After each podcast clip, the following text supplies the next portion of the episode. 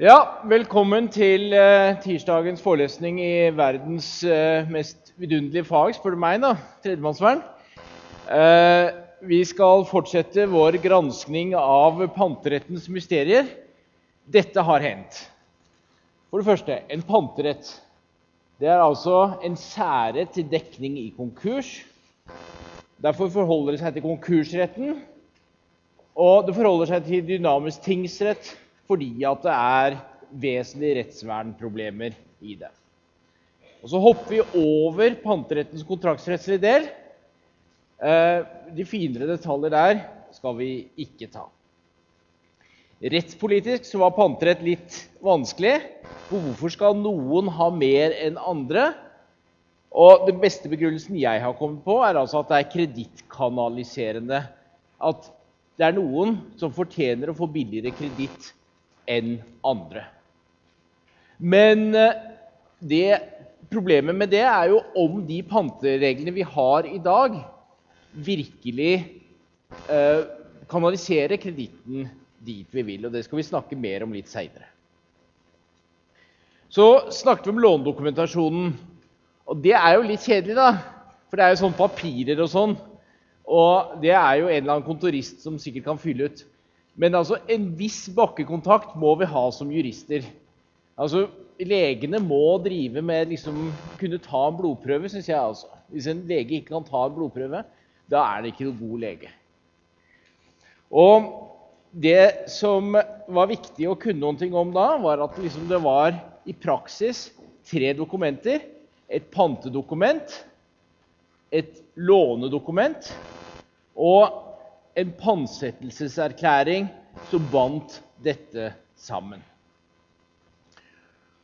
Og så er det viktig å få med seg at det som tinglyses, er bare selve pantsettelsen, uansett hvordan dokumentasjonen omkring dette er. Men man kan lage dokumentasjonen akkurat sånn som man vil. Og så var det dette vanskelig med gjorte obligasjoner. Nå bare innfører vi begrepet. Og det er altså når det ikke er samsvar mellom det som står i pantsettelseserklæringen Eller pantedokumentet. Unnskyld, pantedokumentet er den terminologien jeg bruker. Pantedokumentet, det som tinglyses, og det som man blir enig med banken eller långiver om at skal gjelde, altså gjeldsbrevet. Da kaller vi det som tinglyses, et gjort dokument, et proforma-dokument, og mer vanlig en gjort obligasjon, hvis det er en obligasjon. Og Det er jo moro ikke sant, når det er motstrid mellom sånne ting. og Foreløpig har vi innført begrepet, og så skal vi se litt nærmere på det. Men hovedsynspunktet rettspolitisk, det var Hva var det? Husker dere det? Det var at det bør ikke spille noen rolle om man har rota sånn med dokumentasjonen. Det ligger ikke noe viljeserklæring i det, etter mitt syn. Der er det andre som har andre oppfatninger. Det vi skal gå fatt, øh, gå fatt på nå, ta fatt på nå, det er innskrenkende tolkning av pantsettelseserklæringer. Og Dette er altså en problemstilling man ikke kan forstå, tror jeg, dersom man ikke eh, kjenner denne tredelingen av dokumentene. Sett nå at eh, det er eh, Du tar opp et lån i banken. Og så får du alle disse tingene, og du vet at du får penga hvis du undertegner, og da undertegner du på hva som helst, hvor mange ganger som helst. ikke sant?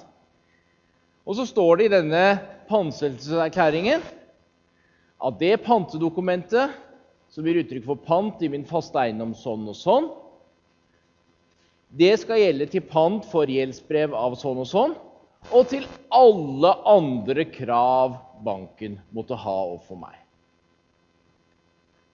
Det er en ganske vid formulering, ikke sant? Det er noen som syns at disse erklæringene kanskje burde tolkes litt innskrenkende. Og på en måte si at ja, men her skriver folk under på hva som helst, så vi må hjelpe dem litt.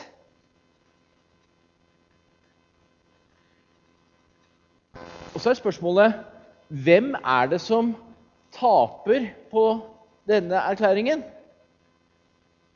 Er dette et viktig forbrukerrettslig synspunkt? Det tror jeg ikke det er. For husk hva en panterett er, da. Det er ikke det at jeg gir noe av mine ting til banken. Det er en særrett til dekning i konkurs. Og er det noe som er helt sikkert, så er det at når jeg går konkurs, så skal ikke jeg ha noen ting uansett. Dette er bare spørsmål om fordelingen mellom mine kreditorer. Så egentlig det er ikke nødvendig å tolke disse erklæringene innskrenkende for å beskytte meg, långiveren, nei, låntakeren. Men man kan jo likevel synes bankene er litt vel sleipe her. da. Og Så man vil gjerne tolke dem innskrenkende. Brekkhus har vært veldig for dette og skrevet mye om det. Det er ikke så lett å si at dette har fått gjennomslag i Høyesterett. Tvert imot. Høyesterett har vel ved flere anledninger på en måte tatt disse pantsettelseserklæringene for et, eh, for det de står for etter ordlyden. Og et eksempel hvor Brekkhus uttrykkelig nevnes, det er eh, rettstidene 2000 1043. 2000 1043. Det er en, en kjærmålsavgjørelse, og det er i sjargongen her så er det vel Vallerudtoppen 2. Vallerudtoppen romertall 2. For det er samme konflikten var da i Kjærmålsutvalget to ganger, og dette var andre gangen den kom. Der var spørsmålet om eh, man skulle tolke en, uh, en, uh, en, en erklæring sånn om hva som ble omfattet av pantet, for eh, sånn litt restriktivt overfor panthaveren. Og det gjorde man ikke. Det var ikke akkurat en sånn pantsettelseserklæring som her. Det var vel oppe i eh, eh, Josef-dommen, f.eks. Men, men jeg tror nok at eh, nå har vi fått så klare signaler fra Høyesterett at det er ikke noe sjanse for at eh, man eh, går drastisk til verk med å tolke sånne erklæringer innskrenkende.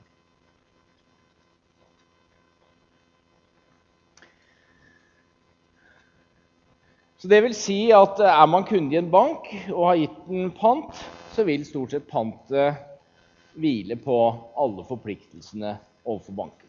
Og Da gir det på en måte mening at man har denne tredelingen i dokumentasjonen. Pantsettelseserklæringen, pantedokumentet, det som tinglyses, blir der, mens gjeldsbrevet kanskje skiftes ut.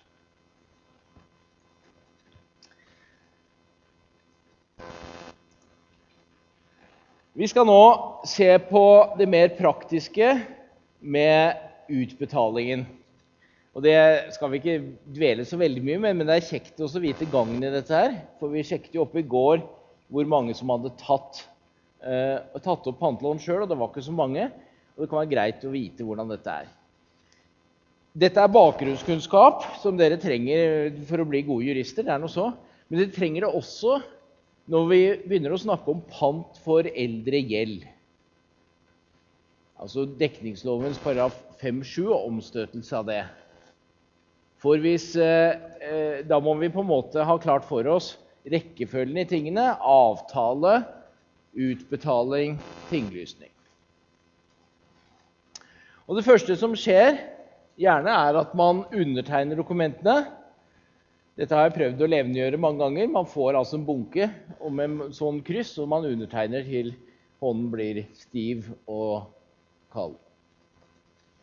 Det neste som skjer, er da at eh, dokumentene sendes til tinglysning.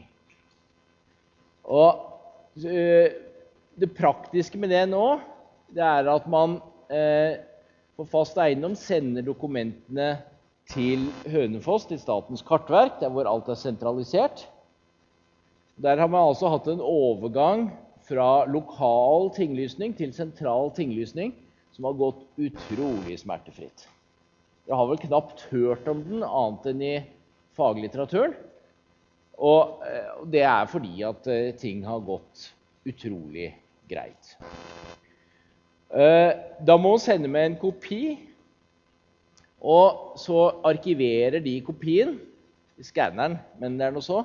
Men de arkiverer den og sender deg originalen tilbake med et flott stempel hvor det står at 'nå er dette tinglyst', og datoen og diverse slike påtegninger. Ved pant så sier de noe om opplysninger som, om prioriteten, altså om det er noen panteheftelser tidligere. Det er sånn som tinglysningen foregår i praksis, og i praksis får man nå regning for tinglysningsgebyret. Det er ikke så innmari svært. Og det er, når man først kjøper hus, så er jo akkurat det en pølse i slaktetida. Det som er verre, som eh, man vil, sikkert vet, er at når man tinglyser et skjøte, så kommer det en dokumentavgift i tillegg. Men det er ikke dokumentavgift på pantedokumenter. Og så, hvis eh, alt går etter boka, så når man da får disse dokumentene tilbake fra tinglysningen, så uh, utbetaler man uh, uh, pantelånet. Da er liksom alt i orden. I praksis så rokerer man av og til på rekkefølgen her. Og hvis man rokerer altfor mye på rekkefølgen, så blir det jo spørsmål om, om liksom pantet virkelig er en betingelse for, for låneopptaket. Men litt fleksibilitet har aldri skadet noen. Men man kan jo risikere at man får dokumentene tilbake fra tinglysning med beskjed om at uh, de har dårligere prioritet enn det man trodde. Så Derfor er det alltid lurt å vente til man får dette tilbake.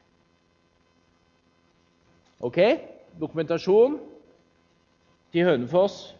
Stempling, beholde kopi, tilbake, utbetale. Sånn er det. skal vi se på en annen måte å stifte pant på. Da har vi sett på kontraktspant, altså avtalepant. Du tar opp lån i banken.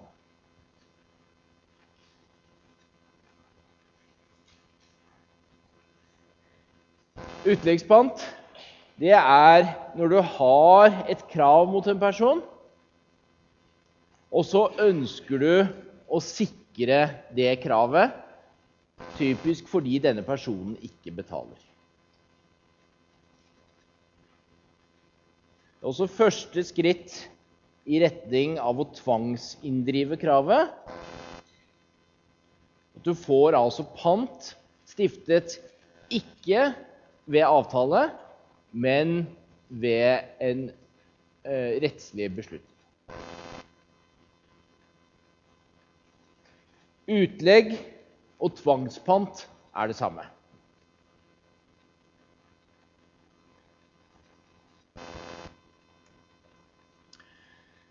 Det må man naturligvis ha en del klare regler for. Og hvis det først eh, er en eh, samarbeidsvillig eh, debitor, så kan det jo kanskje lønne seg å spørre om man ikke kan lage en avtale. Men svært ofte så er det jo tvilsomt om folk som, som ikke betaler, har noen ting å gi pant i det hele tatt. Og det hender ganske ofte at når folk ber om utlegg, så blir beslutningen at det intet er til utlegg. Og så blir man bare sittende der med regningen for dette. Det første skrittet eh, for å få utlegg det er å få etablert et tvangsgrunnlag. Man må på en måte bevise overfor de offentlige myndighetene at man har et krav. Og Da er det i tvangsloven så viselig innrettet at det er to eh, typer tvangsgrunnlag. Det ene er de alminnelige tvangsgrunnlagene, som gjelder for allting etter tvangsforbrytelsesloven. Og så er det i hvert kapittel, og det står alltid i den andre paragrafen, så er det noen spesielle tvangsgrunnlag som gjelder for akkurat det. De alminnelige tvangsgrunnlagene står i paragraf 4-1. De spesielle tvangsgrunnlagene for utlegg står i den andre paragrafen i utleggskapitlet, altså paragraf 7-2. Dette bør vi nok slå opp og titte litt på hvilke muligheter man har til å få etablert eh, overfor tvangsmyndighetene at man har et krav tvangsgrunnlaget. Uh, tvangsloven er eh, sånn som den var før, uh, nummer 86 for 1992.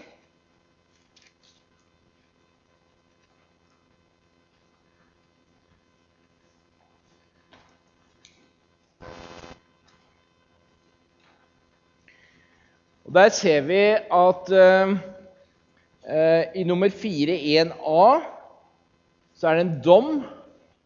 Veldig praktisk da en dom fra forliksrådet.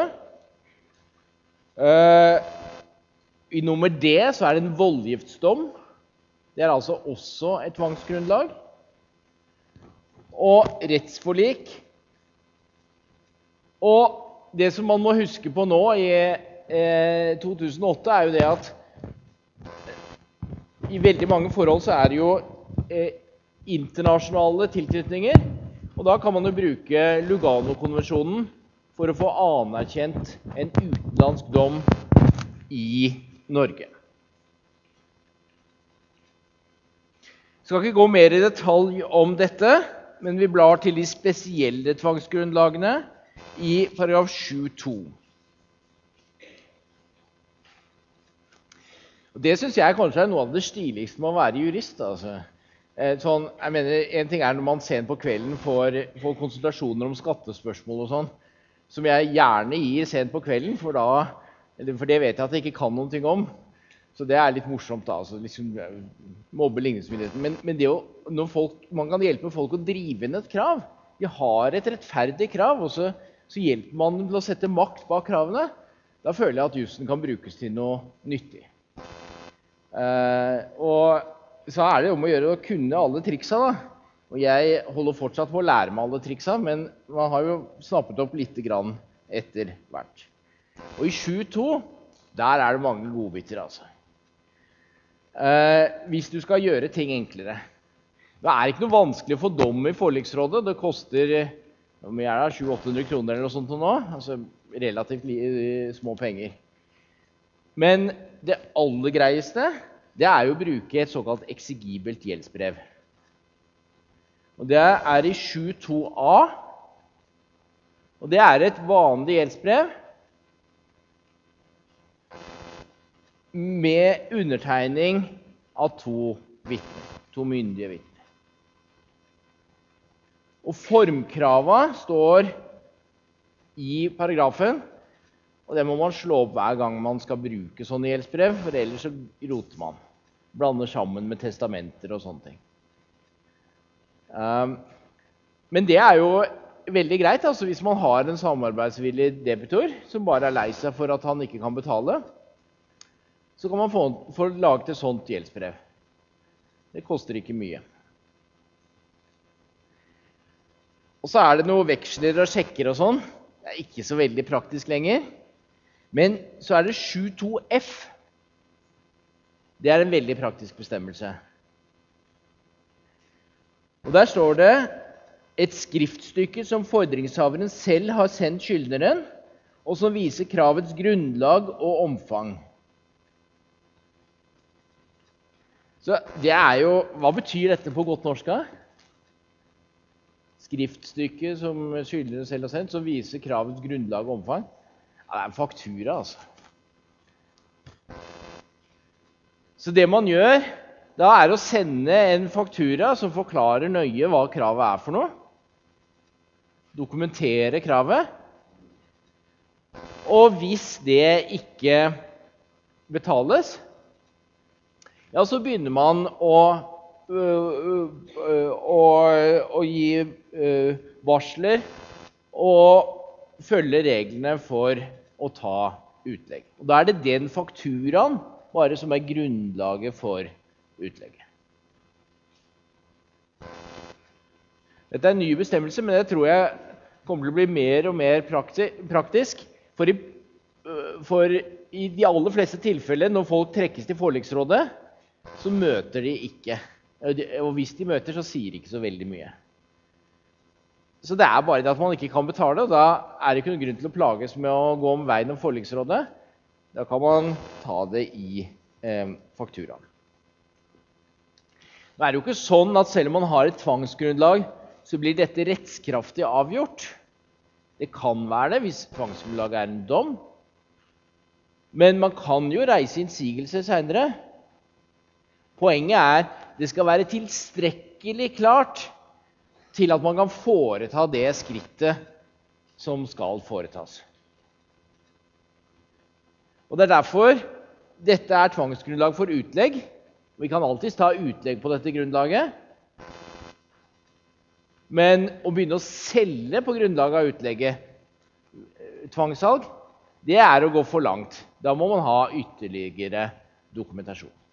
Men ved å ta utlegg på denne måten kan man vinne tid og få en panterett og derved altså, for å si det for n-te gang, en særrett i skyldnerens konkurs.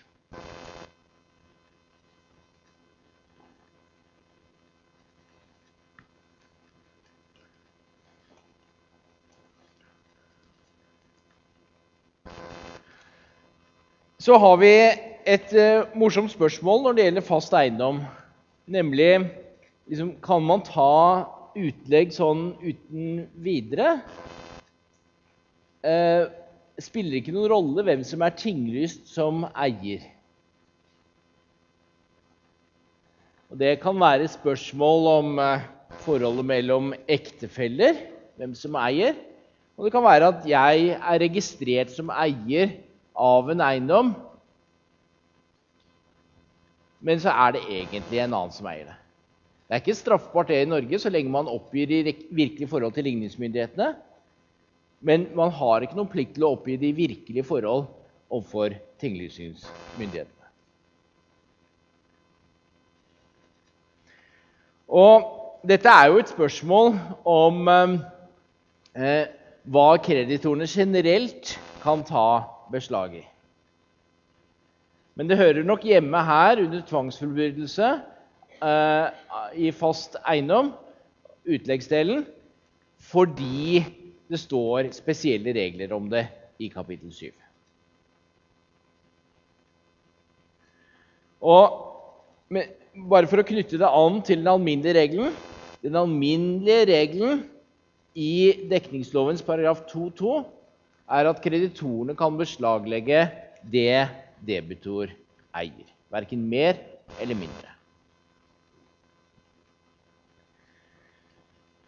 Og hvis da man eh, kommer til eh, en person og skal ta utlegg, og så sier han eh, det er eh, en tredjeperson som eier dette. Det er ikke jeg som eier det, det er en annen.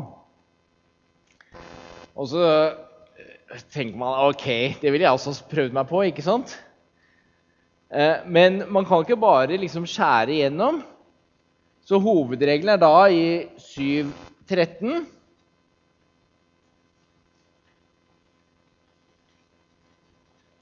Utlegg kan tas i ikke-registrert løsøre og verdipapirer som er i saksøktes besittelse, dersom det ikke sannsynliggjøres at en annen er eier.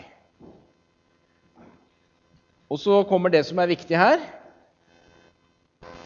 Når det gjelder realregistrerte goder, altså fast eiendom, så er det ikke besittelsen som teller, men registreringen. Det samme gjelder realregistrerte formuesgoder, prikk, prikk, prikk, som saksøker er registrert eller meldt som eier av. Dette sier at man tar utgangspunkt i registreringen av hvem som er eier. Men så kan man bevise det motsatte. Så Det er en ren bevisbyrderegel. Man tar utgangspunkt i dekningslovens paragraf 2-2. og så kan man altså bevise eh, helt i tråd med, med, med den regelen at eh, den som ser ut som å være eier, egentlig ikke er det, og at det derfor ikke skal være beslag. I 7.13 så har man den helt naturlige omvendte bevisregelen. At når noen ikke er eier av et formuesgode, er registrert som det, ikke står som hjemmelshaver i grunnboka, da er det opp til kreditor å vise at han virkelig er eier.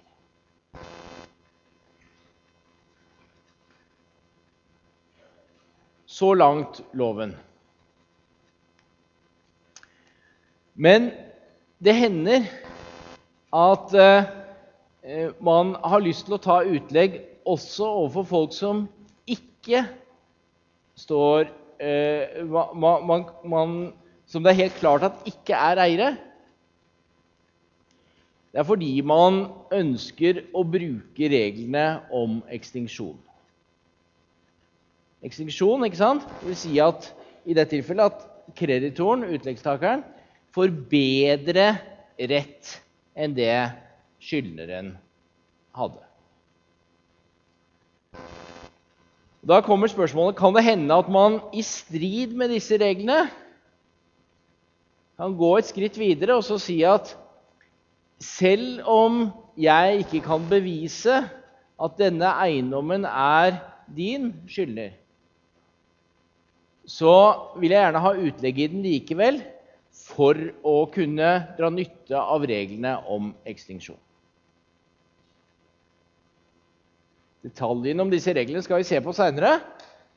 Foreløpig så er spørsmålet kan man ta utlegg for å kunne ekstingvere.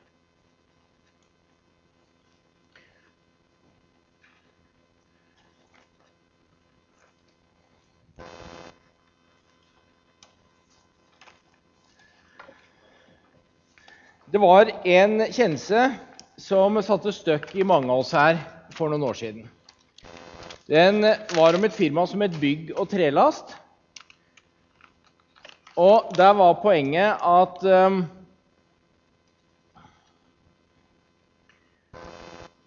Det var en som eide eh, eiendommen opprinnelig. Det var for øvrig Oslo kommune. Og så var det en som eh, kjøpte den. La oss kalle han K1.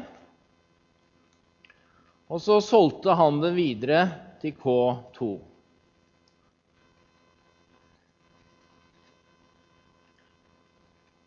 Og noen vil ane at her er det sånn HASB-skjema. For de som er vant med det, så vil altså Oslo kommune være eh, en slags H her. K1 vil være en A, og K2 vil være en S eller B.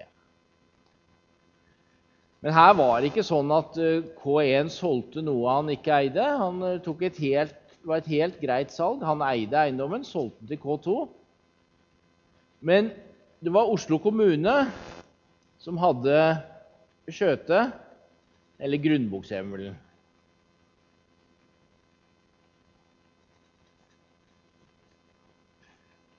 Og så var det spørsmål om man kunne ta utlegg hos K1.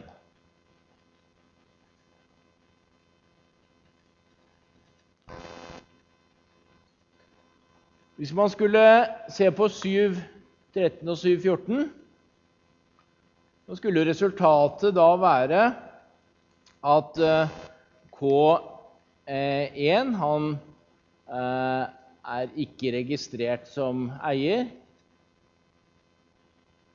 Eh, da må man ta utgangspunkt i 714. Og uansett bevisbyrderegler så var det helt klart at den rette eier var K2. Og til manges overraskelse så sa da Høyesterett i eh, rettstidene 1999-247.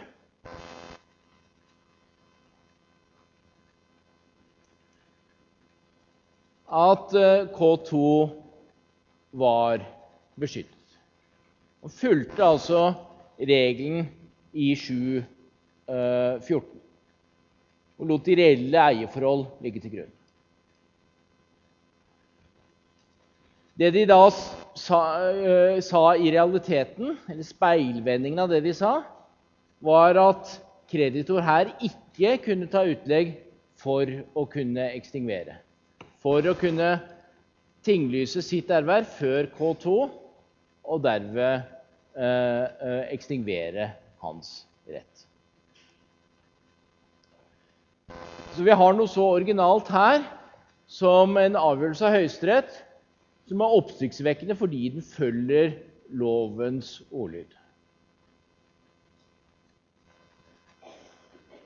Og Lilleholt han har jo bare forakt overfor denne. Han skriver bare at 'den er jo feil'.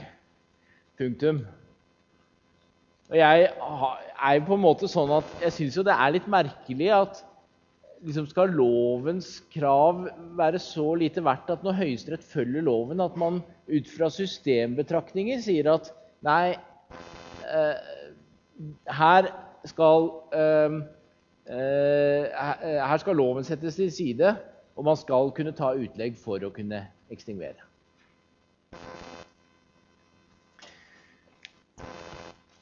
Nå var dette litt uklart en stund. Jeg tror nok de fleste ville holde med Lilleholt og, og, flere andre. Men vi fikk en slags avklaring nå i sommer. Rettstidene 2008 586.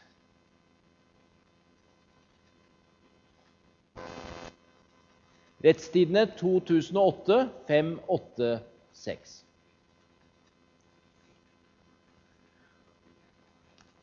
Der eh, gjaldt spørsmålet ikke for så vidt eh, eh, tvangsfullbyrdelseslovens paragraf 713 og 714.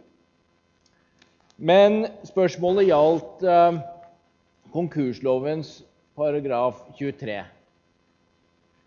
Så om konkursbordsbeslagsrett i, eh, i eh, motsetning til, eh, til utleggstakers. Men det er jo stadig paragraf 2-2 i dekningsloven som på en måte er bånden i eh, tolkningsspørsmål. Og da sa Høyesterett at eh, det spiller ingen rolle hvem som har grunnbokshjemmelen eh, eh, sånn sett. Man skal kunne beslaglegge for å kunne ekstingvere. Det ble henvist til avgjørelsen fra 1999. Eh, men man tok, så vidt jeg kan se, ikke uttrykkelig stilling til forholdet mellom den nye avgjørelsen og denne. Men jeg tror nok kanskje at det må leses sånn at nå er avgjørelsen fra 1999 passé. Så kvintessensen her det blir at man kan ta utlegg for å kunne ekstingvere.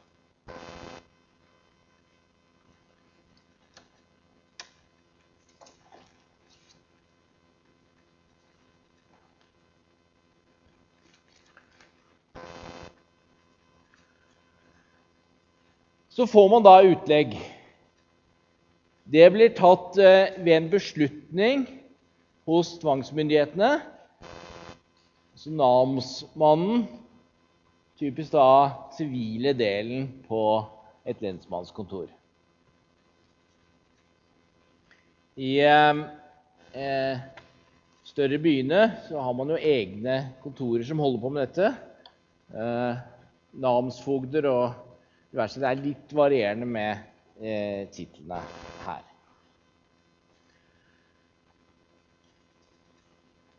Utlegget skjer eh, ved at det eh, på en måte fattes et forvaltningsvedtak. Eh, det skjer altså Det er en kontorforretning, selve utlegget. Det skrives inn i en utleggsprotokoll, og da er jo det for så vidt eh, beviselig og greit. Dette er en panterett, og den vil man gjerne ha vern for overfor andre. Og for å få vern så må denne panteretten tinglyses. Sånn som alle andre panteretter i fast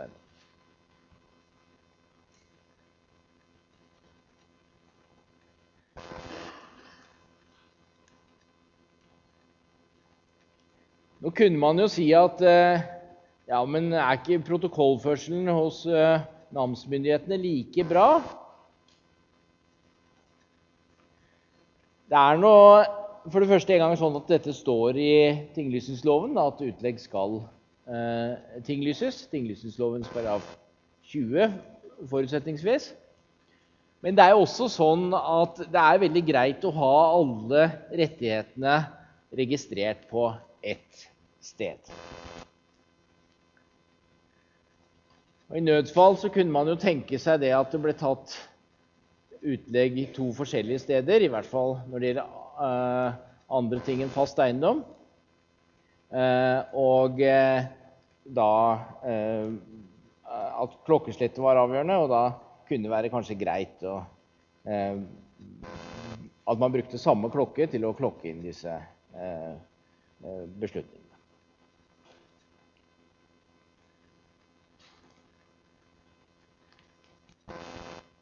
Når utlegget er tinglyst, så får det rettsvern. Eh, hvilket rettsvern?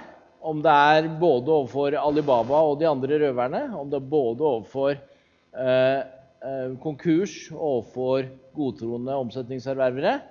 Det skal vi se på mer detalj seinere, men svaret er ja. Det er både og. Hva så? Jo, når man har fått et utlegg på denne måten, da har man jo fått en særrett. Og man kan på en måte slappe av litt. Hvis man ikke har bruk for penga akkurat da, så er man i hvert fall sikrere enn det man har vært. Og En utleggstaker har fått en panterett, og det ligner litt på bankens panterett etter en låneavtale. Og i den videre gangen i tvangsforbrytelsen så behandles utlegg og eh, eh, kontraktspant, utleggspant og kontraktspant omtrent likt. Så på en måte man kan si at det er to veier inn til å få pant. To hovedveier. Det ene er kontrakt, og det andre er utlegg. Og når man har fått det, så er eh, det omtrent likt. Jeg skulle kanskje nevne spesielt det at utlegg det er jo alltid pant for eldre gjeld. Og der har vi en tankegang om at eh, det skal, er ikke like verneverdig det å få pant for en gjeld som eh, ble stiftet uavhengig av eh, pantet, og en der hvor pantet var en betingelse for kreditten. Så Derfor er utlegg litt vaklevorent i konkurs. Det kan omstøtes innen tre måneder. Så selv om man har rettsvern, så kan man puste ordentlig lettet ut først når det har gått tre måneder.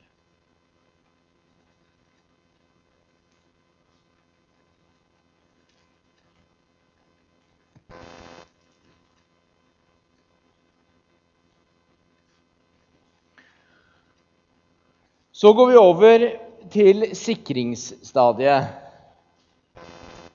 Ehm, vi tenker oss altså at eh, først så stifter vi pantretten. Og så er det en stund hvor pantretten bare skal sikre en kreditt. Og så til slutt så kommer det en slags krisestadium i noen tilfeller hvor det blir snakk om å fullbyrde. Stiftelse, sikring, fullbyrdelse.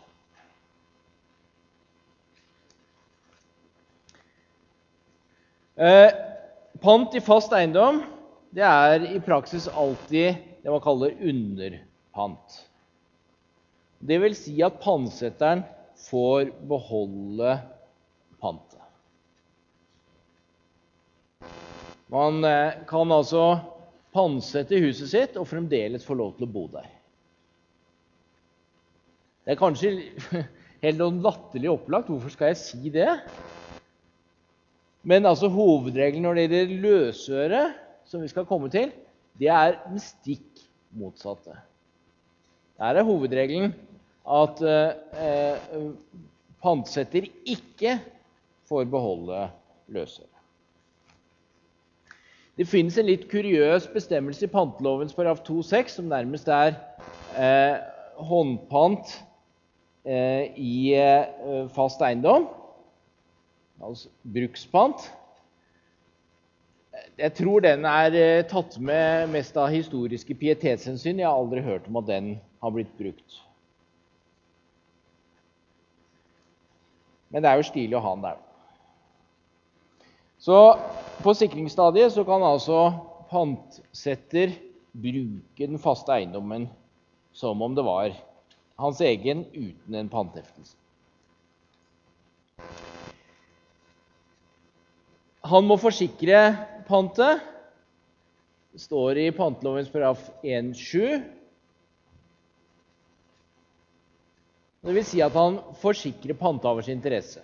Og I forsikringsavtaleloven så har vi regler som gjør at hvis huset mitt brenner og det er pantsatt, så skal panthaveren få dekket sitt lån først, før jeg får noe. så har jeg en plikt til å selvfølgelig å vedlikeholde hus og sånt. Det blir da, altså, Mens en vanlig huseier kan, innen visse grenser kan velge å være skjønnhetsløs, så har man plikter overfor panthaveren.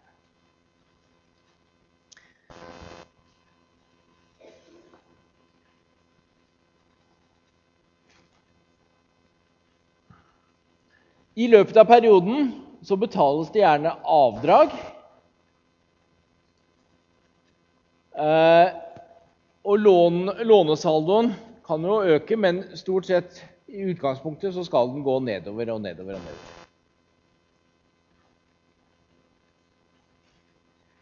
Hvordan blir dette når det gjelder lånedokumentasjonen og tinglysning? Vi husker at vi hadde eh, et gjeldsbrev for så og så stor sum, la oss si 1 million kroner. Og Så betaler jeg ned, og så får jeg en kontoutskrift fra banken som sier at nå er det 500 000 igjen på det lånet. Og Så går man hjem og så feirer man litt med en halv rødvin eller noe sånt. Og så øh, tenker man ja, men dette gjeldsbrevet ligger jo i banken. Og det, der står det fortsatt én million. Sånn? Og hvis man riktig tar den andre halvflasken med rødvin nå, så begynner man kanskje å tenke på at ja, men her står det jo det som er tinglyst. Der står det jo også en million. Og dette er eh, for så vidt en risiko. Disse dokumentene kan komme på avveie, de kan misbrukes. Det kan tenkes at eh, eh noen ekstingverer den innsigelsen at jeg har betalt ned den første halve millionen. Dette kan man beskytte seg mot ved å tinglyse betalingen av avdragene, ved å få en påtegning på eventuelle negosiable dokumenter om at det er nedbetalt. Det gjøres aldri i praksis. Eneste stedet jeg vet det gjøres, er på Det juridiske fakultet i praktikumsoppgaver. Og det er Det er for så vidt flere ting som bare foregår her på fakultetet, men det er noe så. Men, eh, men i praksis så gjøres det aldri. Og det er altså en, en sånn risiko som, som veldig mange eh, har, og som det viser seg at det går fint an å leve med. Dette er en av de mange grunnene til at man ikke skal bruke negosiable dokumenter dersom det ikke er behov for dem.